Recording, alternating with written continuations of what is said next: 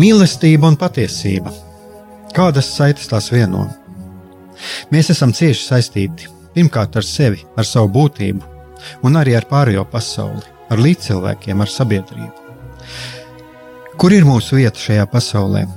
Kā mums katram atrast savu patieso aicinājumu un vietu? Kā sasniegt savas dzīves piepildījumu, mīlestību? Kādi šķēršļi gan mūsu sirdī un prātā sastopamie, gan ārējie aizķēso mūsu ceļu pie Dieva?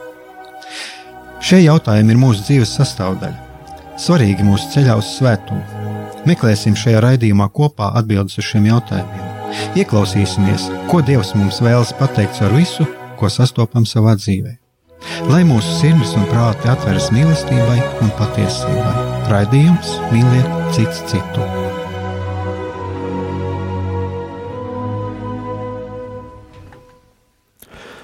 Lai top slavēts Jēzus Kristus, esiet sveicināti, darbie radio klausītāji! Studijā esmu es Aigars Brigmanis, un man, ar mani atkal kopā ir Jānis Jakobsons. Sveicināti! Un šodien es esmu tiešām šeit studijā, nevis kaut kur latgalē, kaut kur viļānos, un tā kā savā ziņā man tāda tiešas klātbūtnes sezona sākas šodien.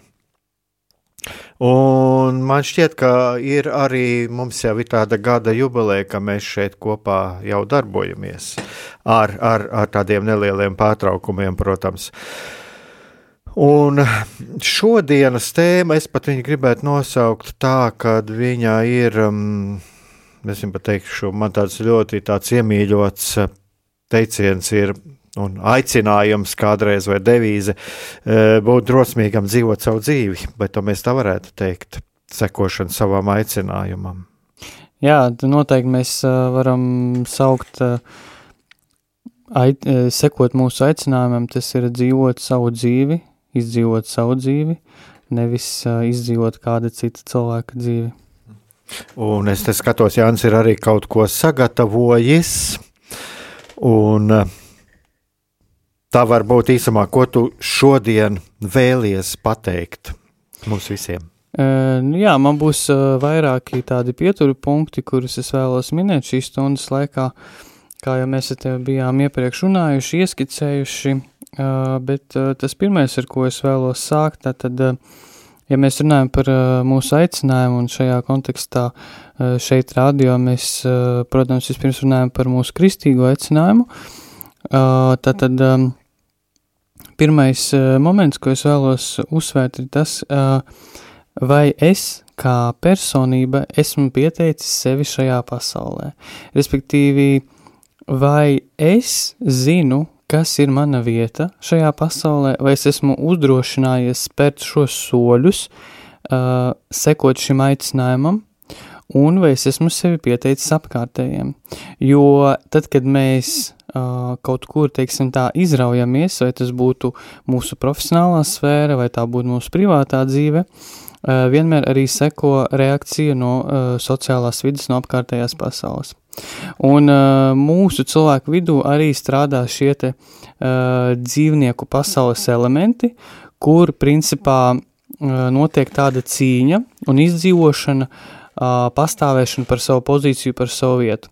Tas nozīmē, ka tiklīdz mēs kaut kur sabiedrībā vēlamies ierauties, nostabilizēt savu vietu, ieņemt kādu stabilu pamatu, būs arī pretreakcija, tāpat kā dzīvnieku pasaulē, un tur izdzīvo stiprākais, tāpēc ir svarīgi, ka mēs apzināmies, ka tas ceļš, kuru mēs piesakam sev šajā pasaulē, ka tas ceļš tiešām ir mans, man ir argumenti, kāpēc viņš ir mans, un Dievs ir gatavs man atbalstīt šajā ceļā. Un tad mēs arī varēsim ar stipru pamatu uh, būt šajā pasaulē un iet savu ceļu. -hmm. Tā tad, uh, kas ir svarīgi apzināties, ka šis uh, ceļš ir mans. Jā, noteikti. -hmm. Jā, un tas arī nozīmē, tas arī nozīmē dzīvot šo savu dzīvi. Bet uh, cilvēkiem uzreiz var rasties arī jautājums, nu, ir konsekrētā dzīve, nu, nu, ko mēs baznīcā bieži vien arī tiek uzsvērts, ir izvēle starp šo priesterību, klosteru dzīvi, laulāto dzīvi. Un uh, arī baznīcā ir tāds aicinājums, kā dzīvot bez laulībām. Jā, tas ir viens no tādiem trešajiem aicinājumiem, par ko varbūt arī tā mazāk runāts, bet cilvēks arī atrod šādu kalpošanu. Bet uh, šeit jau mēs varam runāt arī par. Nu, es pat uh, diezgan tādā plašā spektrā uz to skatos. Mēs runāt par kaut kādu savu profesionālu aicinājumu, par profesiju. Uh, galu galā tas ir arī kāds kalpojums. Jā. Tas arī var būt, var būt arī tas. Jā. Un eh, tas, ko tu pieminējies, eh, apkārt cilvēki, apkārt, ies, ap, apkārt iespējot cilvēki. Mm -hmm. Un es domāju, ka šeit arī ir mazliet, varbūt ir vērts parunāt arī par ko jau ir runāts, ka mūsu lēmumus bieži vien ietekmē mm, ģimene. Jā. Tas nozīmē vecāki. Mūsu lēmumus ietekmē mm, apkārt notiekošais, mūsu lēmums ietekmē mm, peļņa, iespēja nopelnīt, mūsu Jā. lēmums ietekmē, cik tas ir prestiži. Un tā tālāk, un, un uh, tur ir daudz un dažādi faktori, un Es kā kādreiz esmu teicis, jau mani, kas pazīst, jā, ir šie, eh, kas tāds klasiskais variants, ka vecāki ir iedomājušies sava bērna nākotni, un tad savā ziņā kādreiz bērnam tiek uzkrauti tie eh, vecāku nerealizēto sapņu līķīši, jā. un kad bērns nedzīvo vairs īsti savu dzīvi. Jā.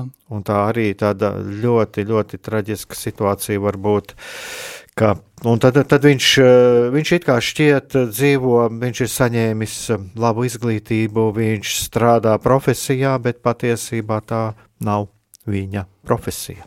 Jā, un tā kā es šeit pārstāvu vairāk to psiholoģisko pusi, tad es arī uh, minēšu tādu svarīgu momentu, ka uh, tātad psiholoģijā ir arī viens no virzieniem, kurš runā par tādu jēdzienu kā um, sistēma, jā, un uh, mēs katrs nākam no kaut kādas sistēmas, un mēs dzīvojam kaut kādā sistēmā.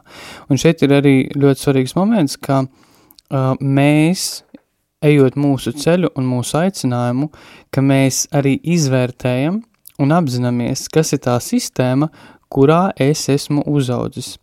Kādu vēstījumu uh, mana audzināšana man ir nodevusi, kādas vērtības man šī uh, sistēma ir nodevusi un uh, kādus arī ievainojumus šī sistēma man ir no, uh, nodevusi, jo arī, teiksim tā, paši labākie vecāki, kādi vien var būt savam bērnam, kuri, teiksim, dzīvo apzinātu dzīvi un tiek galā ar, saviem, ar savām traumām un cenšas nodot bērnam to labāko, viņi tāpat to bērnu apzināti vai neapzināti ievainos. Mēs visi viens otru ievainojam, tas tā ir un tas tā būs.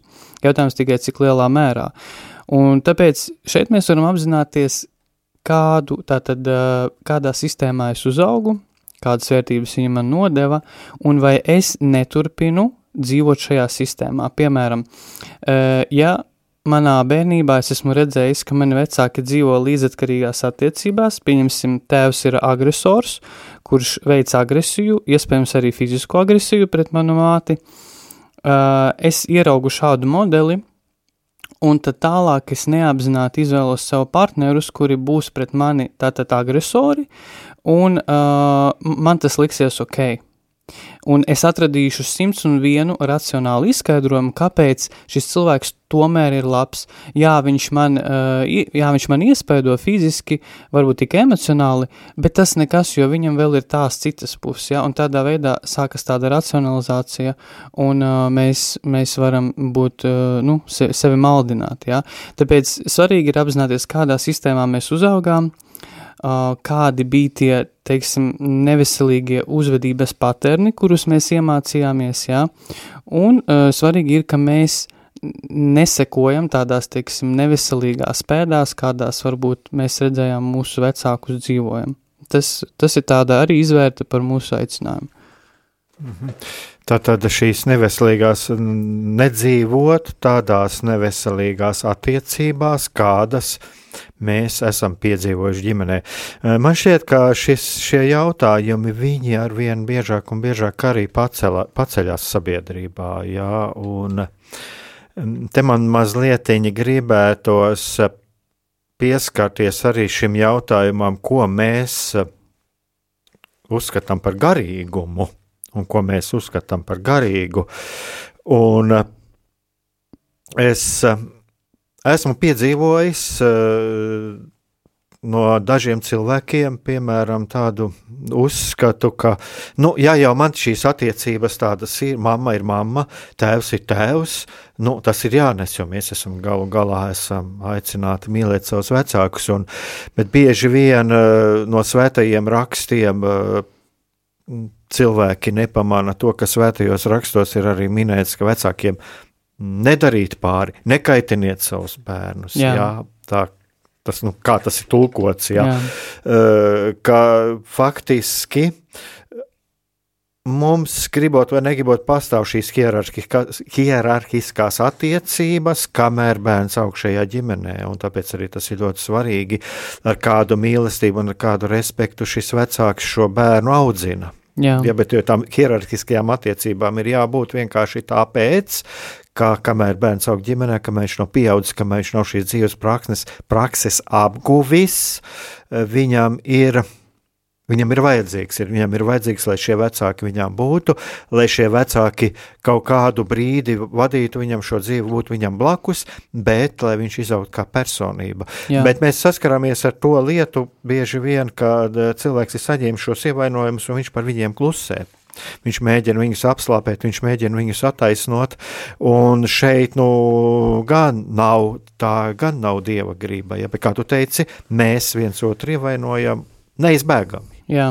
Tas ir neizbēgami, ja, ja mēs tā skatāmies tīri no tāda nu, bibliskais skatu punkts, grēku ievainotais cilvēks, jā, un es domāju, to arī psiholoģijā mēs varam atrast skaidrojumu, bet ir ļoti svarīgi, kā mēs no tā izējām. Jā. Kā mēs no tā izējām, un, un ja ir šis ievainojums, ja mēs viņu veselīgi izdzīvojam, viņš mūs var kļūt par un es atceros, kā man savulaik mans garīgais tēvs, mans garīgais vadītājs teica to, ka e, mani ievainojumi patiesībā man ir svētība, jo ar to es spēju saprast citus, un tādā ziņā arī šis bērns, bērns, kurš ir piedzīvojis šos ievainojumus, viņš var to labot, un viņš vismaz to neizdarīs saviem bērniem, ja viņš to apzinās. Un es domāju, ka tā arī ir ļoti svarīga lieta, ka šo, jā, teiksim, arī vardarbības, gan fiziskas, gan emocionālās vardarbības ķēdi, ja mēs to apzināmies, ka mums nodarīja pāri, ka mēs to apzināmies. Un mēs, esam, un mēs arī esam spējīgi, eh, mēs piedodam, nu, spējīgs piedot, tas arī tās nosacīts jēdziens, ja, bet, bet ja mēs ejam šo piedošanas ceļu, tad mēs šo ķēdi varam pāraut. Jā. Jā, un uh, noteikti arī vēl ko var minēt, runājot par aicinājumu, un ja mēs runājam par tādu konsekrēto dzīvi, uh, Dievam veltītu dzīvi, tad uh, man liekas, ka arī svarīgi pirms cilvēks dodas šajā ceļā, uh, ka viņš arī uzdod sev dažādu veidu jautājumus, ja, kāpēc, es, kāpēc es vēlos iet šo ceļu, kāda stāv apakšā tam motivācija, ja, vai tas nav kaut kāds atkal mans, teiksim tā, traumatiskais moments, ja, ka Uh, es vēlos ar šo aizlāpīt kaut ko. Jā, tas attiecās uz jebkuru aicinājumu, vai laulāto dzīvi, vai, vai um, konsekrēto dzīvi. Un šeit ir arī svarīgs jautājums, kādas ir īstenībā attiecības ar manu ķermeni. Tāpēc, kad uh, skaidrs, ka konsekrēta dzīve prasa uh, citu, teiksim tā, pieeju tādā, teiksim, miesīgā, jutekliskā formātā, jā, tas ir pavisam cits ceļš, uh, konsekrētai personai seksualitāte nepazūd, viņi ir, viņa, viņa ir mums un būs līdz, kamēr mēs nenomirsim, bet uh, jautājums uh, paliek, uh, kā es izdzīvošu tātad arī konsekrētā dzīvē savu seksualitāti un kā es jūtu savu ķermeni šobrīd. Jo, ja es šobrīd nejūtu savu ķermeni, es, es neesmu tādā kontaktā ar sevi, ar savām sajūtām, uh, tad uh, ir liela bīstamība, ka tad, kad es došos konsekrēt to dzīvi, es, es kļūšu tāds kā, es sevi iekorķēšu, iebalzamēšu, ja? jo, ja es līdz šim neesmu sevi izjutis, kāds ir, kāds vispār es esmu un ko es jūtu, tad uh, es principā iespējams speciāli gribu vēl vairāk sevi nejust. Un šeit es varu uzdot jautājumu, tad, jā, ja tas tā ir, uh, Kāpēc es baidos sevi just? kas slēpjas aiz šīm bailēm, un tur mēs varam atrast kādu ļoti dziļu, uh, sāpīgu punktu, ar ko cilvēkam ir jāstrādā. Un tikai tad, kad viņš atbrīvojas no šīm sāpēm, kas slēpjas īstenībā aiz, aiz šīs te, uh, sevis nejušanas, tad var runāt par to, kāds tiešām ceļš ir ejams. Nu jā, un tad vēl arī, arī šo seksuālo dzīvi var veselīgi izdzīvot. Jā, to var tad, kad tiešām cilvēks jūt sevi. Un tas attiecās gan uz konsekrēto dzīvi, gan, gan Jā. arī uz laulību. Bet es domāju, tagad mums jau ir pienācis laiks paņemt kādu muzikālu pauzīti, un tad turpināsim. Thank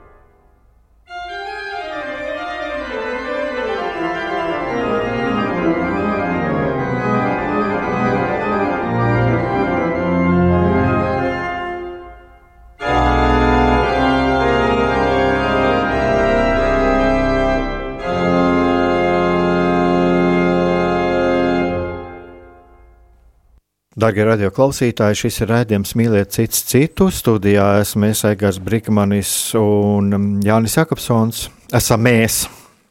Jā.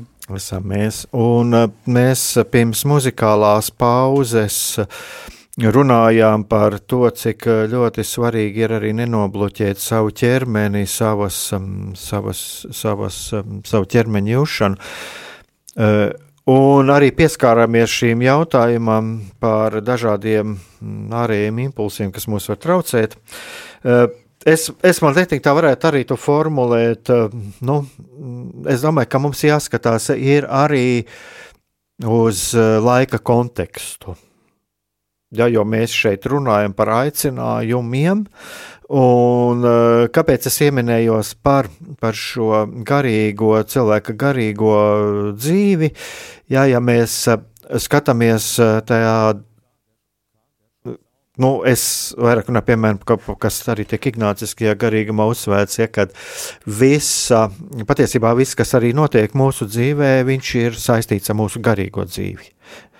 Un mēs bieži vien līdz tam tā neapdomājamies, neaizdomājamies, bet arī kristīgie autori, tie sevišķi, kas arī ir saistīti ar garīgo vadību, es domāju, ka to mēs katrs arī varam saskarties savā dzīvē, eh, saskarās ar tādu situāciju, ka mm, bieži vien eh, kristīgajā pasaulē jūtas vēlmes tiek noliektas.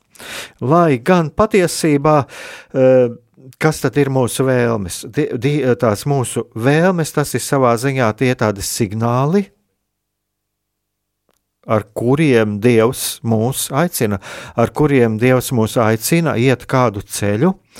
Un šeit ir runa patiešām par tām dziļākajām vēlmēm, nevis par kaut kādiem impulsiem, un par kaut kādiem impulsiem no malas vai kaut kādu citu uh, gribas pildīšanu. Bet šeit ir tiešām tas, kas ir mūsu, tā, mūsu tās dziļākās vēlmes, un Un tie ir tie signāli, kurus eh, mums dod Dievs.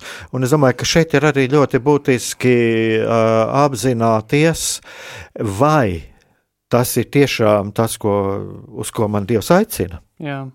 Vai tas ir tiešām tas, uz ko man Dievs aicina, vai tie ir kaut kādi ārējie, ārējie mm, impulsi. Un, un šeit uh, es domāju, ka arī viena tāda, mm, es tādas.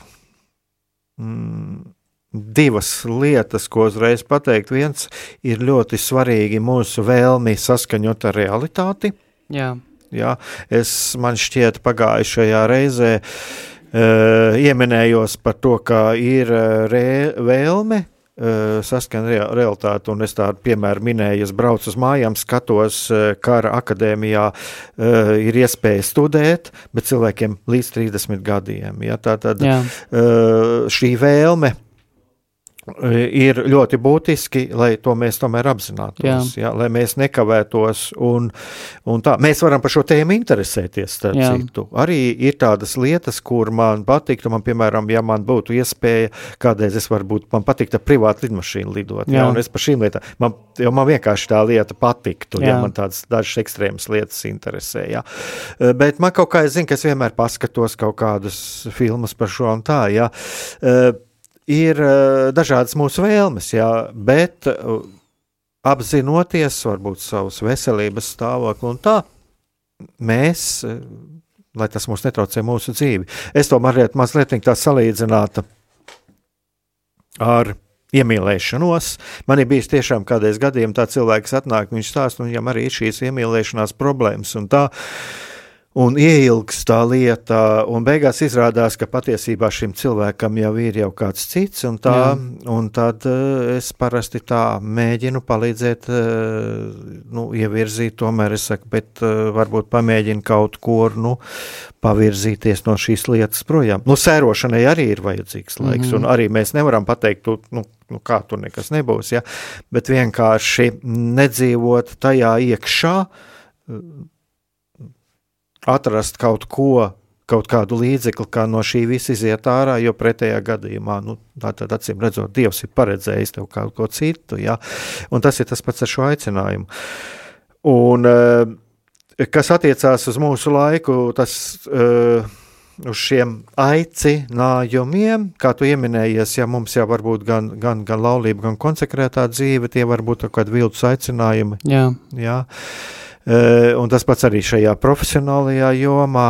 Tad uh, tas jau ir kas, ar ko mēs atšķiramies varbūt arī no šīs pagātnes gadsimtiem ilgi cilvēks bija ielikts kaut kādā kārtu sistēmā, kur viņam bija ļoti, ļoti grūti uh, iziet no tā ārā, un tāpēc viņam bija arī vieglāk pieņemt situāciju, Jā. pieņemt situāciju, un viņš arī varēja vieglāk varbūt pat atrast Dievu tajā situācijā, kur viņš ir. Mm -hmm. Mūsu laikā ir iespējas daudz plašākas, bet mums ir apkārt tik daudz dažādu impulsu, eh, kairinājumu, Jā. Un kā jau mēs esam runājuši, viņi bieži vien ir skaļāki kā dieva balss.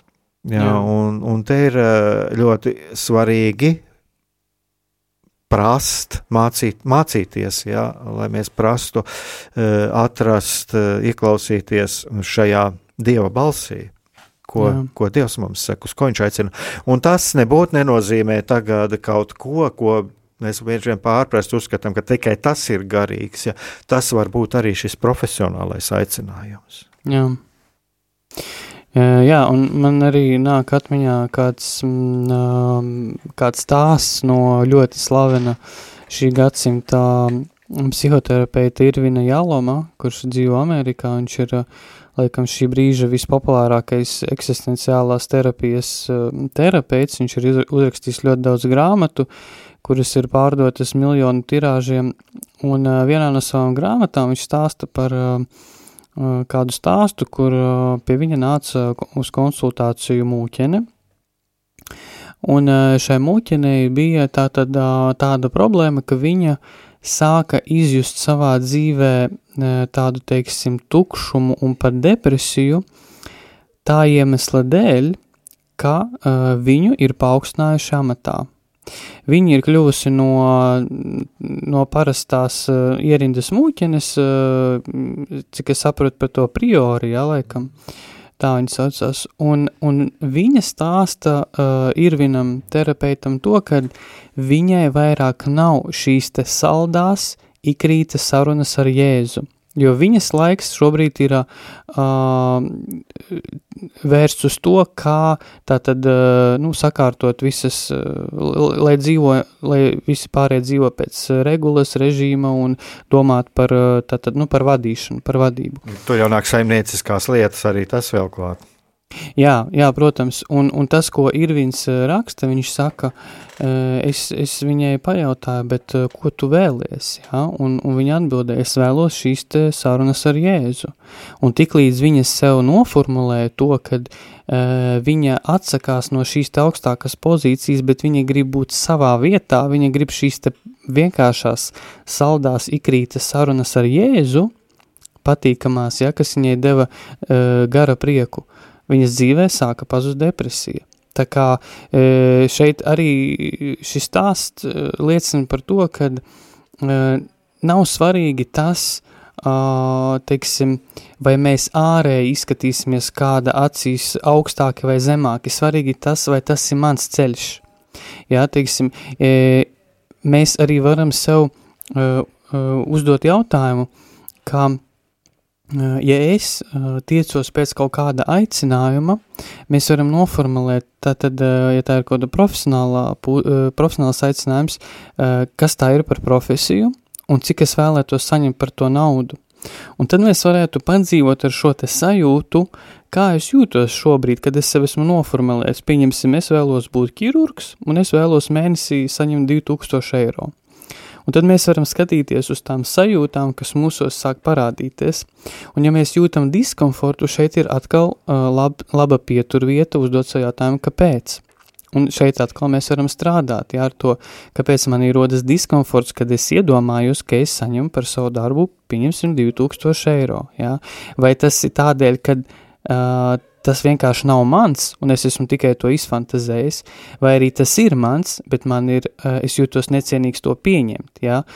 Un tad šeit mēs atkal varam strādāt to, kāpēc cilvēks jūtas uh, necienīgs, ja? un atrisinot šo, šāda veida jautājumus un kaut kādas iekšējās uh, traumatiskos momentus, mēs arī tā diezgan uh, skaidrāk izējam uz šo te mūsu aicinājumu ceļu.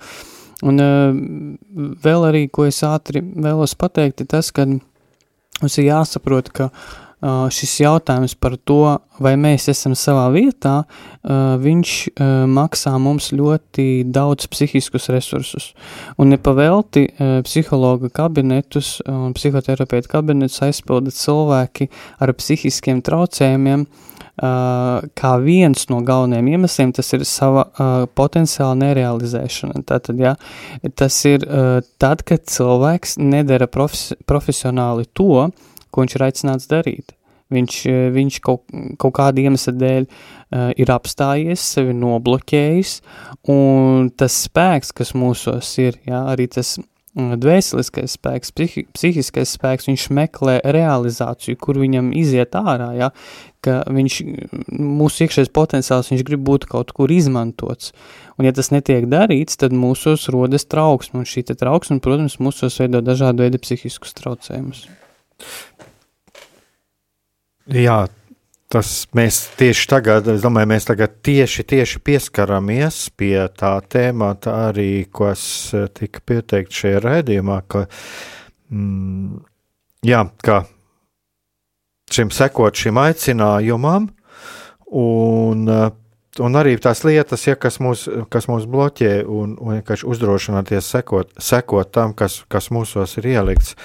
Un, jā, un es atkal gribu atgriezties pie tā, ka tas arī skar, skar arī tieši mūsu šo, šo profesionālo jomu.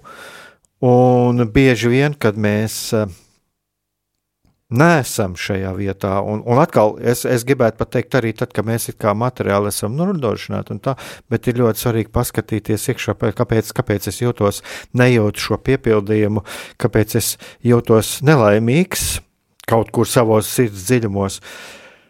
Es domāju, ka tagad atkal mēs varam paņemt kādu muzikālu pauzīti, un tad varēsim atkal turpināt.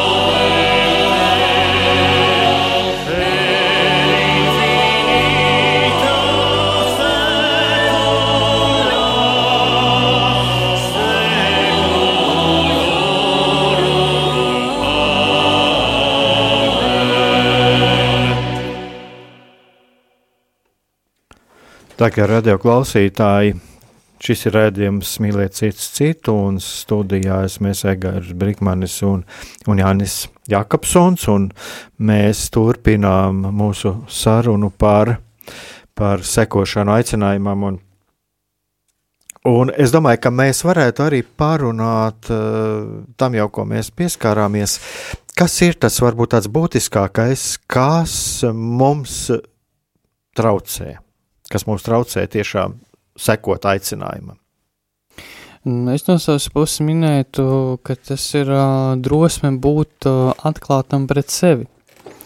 Drosme būt atklātam pret sevi, uh, vai es esmu godīgs pret sevi, un vai mana dzīve atbilst tam, ko es jūtu, vai manas vēlmes atbilst tam, ko es jūtu sevī.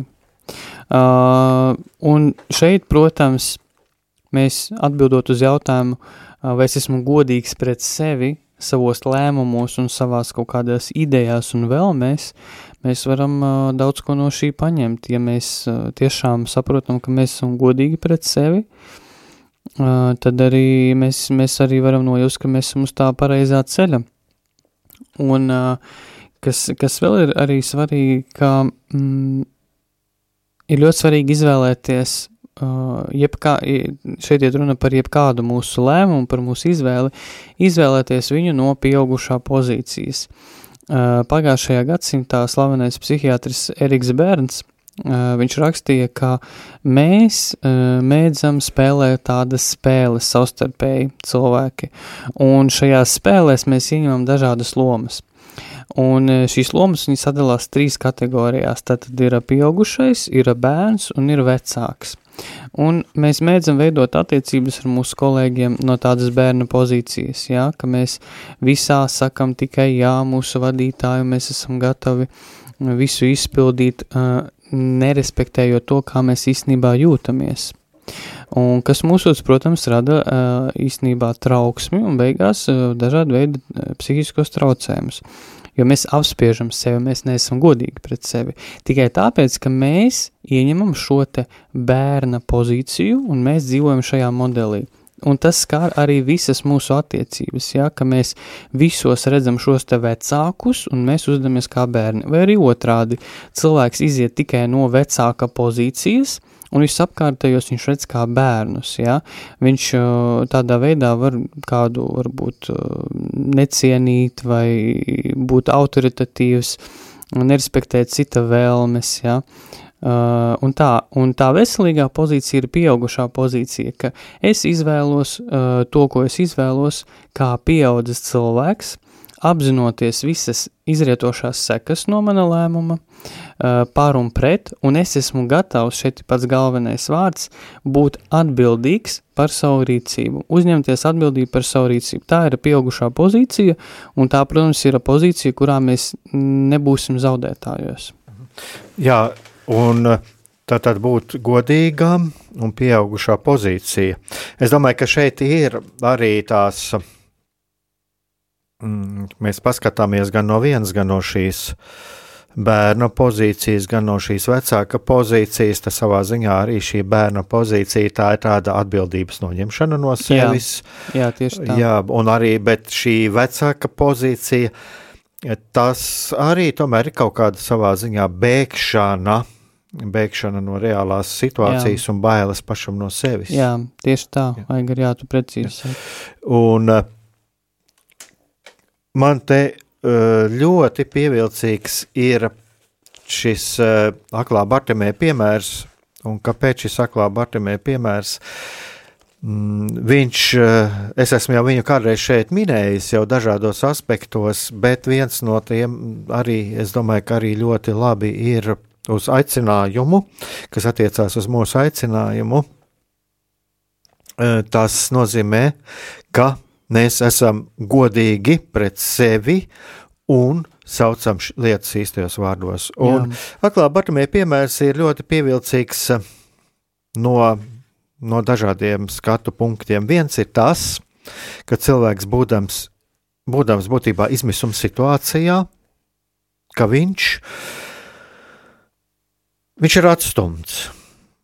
Viņš eh, būtībā viņām eh, tu, svētajos rakstos mēs to tā īsti neredzam, bet mēs saprotam arī kādos situācijā, ja mēs uh, zinām kaut cik vēsturi, kādā situācijā bija šie cilvēki, viņi būtībā bija atkarīgi no žēlastības dāvanām, nebija tādi Jā. sociālai dienesti un tā. Bet ko viņš dara? Viņš uzdrošinās. Jā, viņš, viņš, uzdrošinās. viņš uzdrošinās, viņš uzdrošinās, Jēzu Dāvida dēls apžēlojas par mani. Viņš uzdrošinās runāt. Viņš uzdrošinās runāt. Un kas ir ļoti zīmīgi, ko mēs redzam? Mēs redzam to, ka viņu apsauc Viņu apsauc. E, piemēram, es šeit, man Džeims Mārtiņa grāmata priekšā, viņš arī vispār raksta arī par to, ka, ka iespējams, ka aklais Bartimējs pat būdams akls, viņam tomēr bija šī dāvana atpazīt Jēzu kā Dieva dēlu. Un, un šeit arī svarīgi, jo tu minēji, ka viņu apsauca, lai viņš cieta klusu, tā ir tā pretestība, kas nāk. Jā, jā, un tieši to es arī gribēju tālāk teikt, jā, tā ir tā pretestība, bet viņš vienalga Viņš vienalga, viņš turpināja saukt. Un es domāju, ka šeit varētu veselu stāstu mēs būvēt, un tad, kad Jēzus tomēr nu, aicināja viņu pasaules, tad arī tie pārējie pievienoja Jēzum. Pievienojas Jēzum, saka, un nāc, viņš tevi sauc. Ja? Un kas ir ļoti būtiski, ka Bartimējs nomet savu mēteli un dodas pie Jēzus. Jā. Tātad viņš visas šīs nastas, visu to, kas viņu, viņš, viņš iet paļāvībā, savā ziņā tas ir risks. Jā. Jā tas ir risks. Ja man ir cilvēki jautājuši, piemēram, kas iet laulībā vai vēl kaut kādu ceļu, a, ko man darīt, ja neizdodas? Es saku, ja tu neriskēsi, Tu tad tur jā, tu neuzvarēsi un nekad nebūs laimīgs. Jā. Un arī šeit ir, uh, viņš, viņš iet. Un tad ir tālāk tāds ļoti interesants dialogs arī, ka Jēzus jātā, ko tu vēlies, lai es tev daru. Ja. Un tad man izveidojās dialogs ar Dievu. Jā. Un tad es izsaku, izsaku Dievam savu vēlmi. Es domāju, ka tā ir arī viena tāda ļoti būtiska lieta. Ja, ka būt, būt, at, būt atvērtām un būt atvērtām uz, jo visos šajos soļos, kas bija, kad gāja šie cilvēki kopā ar Jēzu, kas saklausīt šos Jēzus soļus un tieši vērsties pie viņa. Un tā es domāju, ka tas ir arī mm, starp tiem daudzajiem soļiem, ja, starp to pasaules troksni, ir kaut kas, kas man iekšā runā, kas man aicina.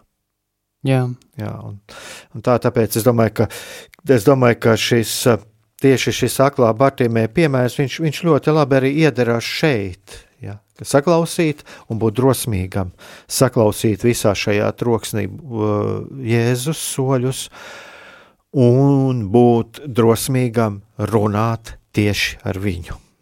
Jā, viņš šis piemērs ļoti fascinējošs. Tiešām izskatās, ka Bartamēs viņš sevī atrada šo te resursu, ka viņš uh, grib un viņš saprata, ko viņš grib, viņš grib redzēt, jā, un viņš rēķinājās ar to, ka būs pretestība no, no, no apkārtējiem, bet viņš zināja, ko viņš vēlas, viņš konkrēti gāja ar šo vēlmi pie Kristus, un Kristus viņam arī uzdeva šo jautājumu, jā, ko tu vēlies, un tad, kad viņš varēja skaidri nodefinēt, viņš arī saņem to, ko viņš nodefinējis, un tā bieži ir mūsu dzīvē, ar, ar daudzām lietām, kad mēs skaidri sev noformulējam, ko es vēlos, Uh, un kāpēc, tad arī šīs lietas viņas pie mums atnāk. Jo kamēr mēs neesam noformulējuši, mēs arī īsti varbūt neesam viņām gatavi tām lietām. Un es arī atgriezīšos pie, pie tā momenta, ko es biju pirms kādu brīžu runājis, ka mums ir uh, svarīgi tiešām pakavēties pie šī jautājuma, vai es uh, dzīvoju atbilstoši tam, kā es jūtos. Jo, ja mēs uh, nerealizējam to, ko mums vajadzētu realizēt, un ja mēs dzīvojam tādu neapmierinātu dzīvi, tad uh, šī dzīve viņas skars visas sfēras, viņa arī skars mūsu attiecības ar Dievu. Un šeit arī, protams, ir arī tādi gadījumi, kad mēs redzam Dievu kā vienu no mūsu vecākiem, vai uh, mēs Dievā redzam kādu mūsu bērnības pedagogu vai treneri, kurš ir bijis bargs, pārāk strikts, ļoti prasīgs, un mēs Dievu redzam šādā attēlā. Un arī izrietot no šī, kā mēs redzam Dievu, mēs tad arī mēdzam būvēt savu dzīvi šādi, ja? ka mēs nedodam vietu vispār savam es, manis nav, ja, ir tikai tas, ko man liekas Dievs no manis grib, viņa prasības ir ļoti stingras, viņa prasības ir ļoti tādas bargas, un jā, tā ir Dieva griba. Un tāpēc šeit ir vēl viens moments atpazīt, vai tiešām tas, kā es redzu Dievu, tas ir uh, veselīgs skatījums. Tad tās ir tās veselīgās brilles, teiksim tā, vai es neesmu uzvilcis kādas svešas brilles, jā, un um, katrs psihisks uh, traucējums, vienalga kāds tas būtu, viņš uh, principā parāda saknē, kur cilvēkam viņa neapzinātajā psihes daļā slēpjas problēma. Jā, ja, teiksim, cilvēks bieži sūdzas par spiedienu, ka viņam ir ļoti augsts spiediens, un tas jau kļūst, teiksim, tā, uh, bezmazliet hroniski, ja, un tādi simptomātiski, un cilvēks ir pārbaudījis, viņam nav nekādas fiziskas reālas skaites, bet eh, tad, tad iemesls šim spiedienam ir eh, psiholoģisks apakšā, tad uh, mēs šeit varam uzreiz uzdot jautājumu, jā, bet kas tavā dzīvē tev rada spiedienu, kādi apstākļi, jo viņa spiediens ir vienkārši simbols tam, kas viņa dzīvē notiek. Viņa dzīvē notiek tas, ka viņam ir kaut kāds spiediens, jautājums, no kurienes šis spiediens nāk, jā, un kāpēc tas manā dzīvē rada spiedienu, jā, varbūt tas ir kaut kādu cilvēku viedokļi vai cilvēku kaut kas, kaut kas uzspiests, jā, kas manā dzīvē rada spiedienu. Un bailes pazaudēt darbu, teiksim, jā, var radīt trauksmi un spiedienu.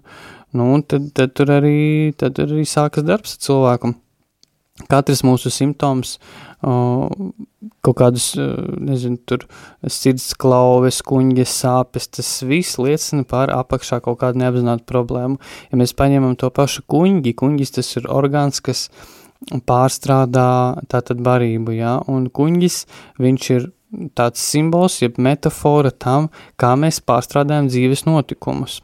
Ja mēs nespējam būt gana atbildīgi par to, ko mēs mūsu dzīvē darām, tad arī nereti cilvēkam uz tāda uh, stresa fona sāp kuņģis, un kad viņš sāk pieņemt savā dzīvē uh, lēmumus par viņiem atbildēt, uh, kļūt atbildīgāks, tad arī viņam pāriet tās viņa biežās kuņģa sā, sāpes. Tāpēc, uh, jā, tas ir vēl viens iemesls būt atbildīgam pret, pret savu aicinājumu. Jā, nu par kuņģa sāpēm un visām šīm lietām es, man liekas, varētu arī ļoti daudz no savas personīgās pieredzes izstāstīt, kā es esmu gājis cauri arī šiem iepriekš piedzīvotajiem ievainojumiem un tā tālāk, ja, bet mūsu jau raidījums, es skatos tuvojas noslēgumam, mm, domāju, ka varētu arī mēs mēģināt kaut kādu punktu uzlikt, no ko tad galu galā darīt. Es no savas puses, ko es varētu pateikt, ja nu, cilvēkam ja ir šis aicinājums, viņš jūtās īsti viņš nejūstās īsti tā savā ādā, tad es mazliet varu atgriezties par to, ko jau es minēju. Jā, kādas tad ir šīs mūsu intereses, vienkārši paskatīties. Dievs jau mums dod dažādus instrumentus, dažādus līdzekļus, arī kur mēs varam atpazīt savas intereses, un mēs varam vienkārši kaut vai paskatīties kādas filmas mums patīk par kādu tēmatu, kādas mums patīk grāmatas, kas mūs uzrunā mākslā, kas varbūt sākotnēji liekas, nu, kas, kas nav saistīts, bet patiesībā tur var būt ļoti uh, dziļa saikne, tā kā es teicu par to lidošanu, par tām lidmašīnām, jā, varbūt cilvēkam ir aicinājums uz kaut kādu pilota profesiju, vai cilvēkam jau kopš bērnības, un vēl joprojām viņam ir interese par filmām, par medicīnu. Eh, tas var liecināt par aicinājumu kādreiz arī svētajos rakstos ieklausīties, kas man, kāpēc tieši šajā svēto rakstu vietā uzrunā. Varbūt tas arī ir kaut kas, eh, paceļ manī kaut ko no slēpta aicinājumu eh, es domāju, ka par šo lietu mēs varētu kā atpazīt, vēl iznāktu vēl viens vesels raidījums. Diemžēl mums laiks, laiks tuvojas jau noslēgumam, bet mums ir iespēja, mums ir iespēja atpazīt šo dieva kluso balsi, un tas nav nekas, lielākoties tas nav nekas pārdabisks, bet uh, Dievs runā caur to mūsu dziļākās jūtas, uh, viņš uzrunā caur to, ko mēs uztveram ar paši ar savām maņām. Jā. Kas ir tas, kas man dod šīs pozitīvās uh, izjūtas, un uh, kāpēc es gribu atgriezties vēlreiz un vēlreiz pie, pie, pie kaut kā, pie kaut kā laba, kas arī var norādīt, ka lūk, šajā virzienā manam jāpaskatās, ir, ka tur, tur Jēzus stāv priekšā, viņš mūs aicina. Jā, un nepavēlti Dievs ir mūsos ielicis šīs jūtas un juteklis, ko tām ir sava funkcija, jūtām ir sava vieta, emocijām ir uh, savi iemesli, uh, kādēļ emocijas ir, un viņi ir tādi labi indikātori, kurā virzienā mums skatīties. Un tas, ko es no savas puses nobeigumā arī pateiktu, ka uh, Tad, tad runājot par aicinājumu, mēs varam arī sev uzdot tātad, šādu jautājumu, kas mani manā dzīvē interesē, pret ko man ir pastiprināta interese, vai tās ir vairākas, viņas var uzrakstīt uz lapas, un tad skatīties, pret kuru no šīm interesēm man ir tādas visspēcīgākās sajūtas, jā, kas man izraisa vislielāko entuziasmu un tādu, tādu de, dedzīgumu. E, tālāk mēs e, varam uzdot jautājumu, ko es šobrīd darītu, ja man šeit un tagad būtu iespējams realizēt šo, kā mana dzīve mainītos, kā es justos šobrīd, ja man būtu tieši tas, par ko es sapņoju, ja, savā, kā savu aicinājumu. Un, uh, ja mēs runājam par kaut kādu profesionālu darbību, tad arī cik es vēlētos uh, saņemt atalgojumu par šo, ja, un uh, vai es būtu apmierināts ar šo atalgojumu. Un tad paskatīties, kādas mūsos raisās uh, jūtas, sajūtas, pārdomas. Un, man liekas, tie ir tādi labi jautājumi, kas ir labs tāds. Jā, jā, jā, ja vērā, ka mums ir būtisks ir uh, viss viss šis spektrs, sākot no tiešām, ko es vēlos darīt, arī atalgojums un tā tālāk, ja mums mēs šeit dzīvojam šeit un tagad. Tad, tad tas viss ir ļoti būtiski to visu izvērtēt. Jā, nu, jāsaka tā, mūsu raidījums ir noslēdzies. Šodien mēs Tātad noslēdzam šo mūsu sarunu.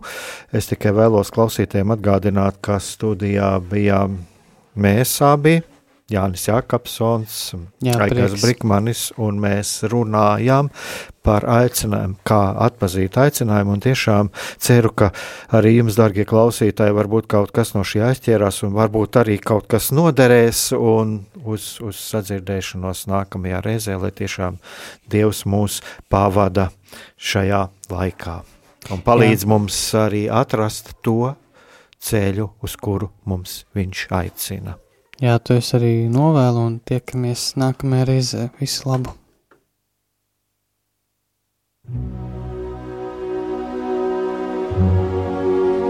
Mīlestība un patiesība.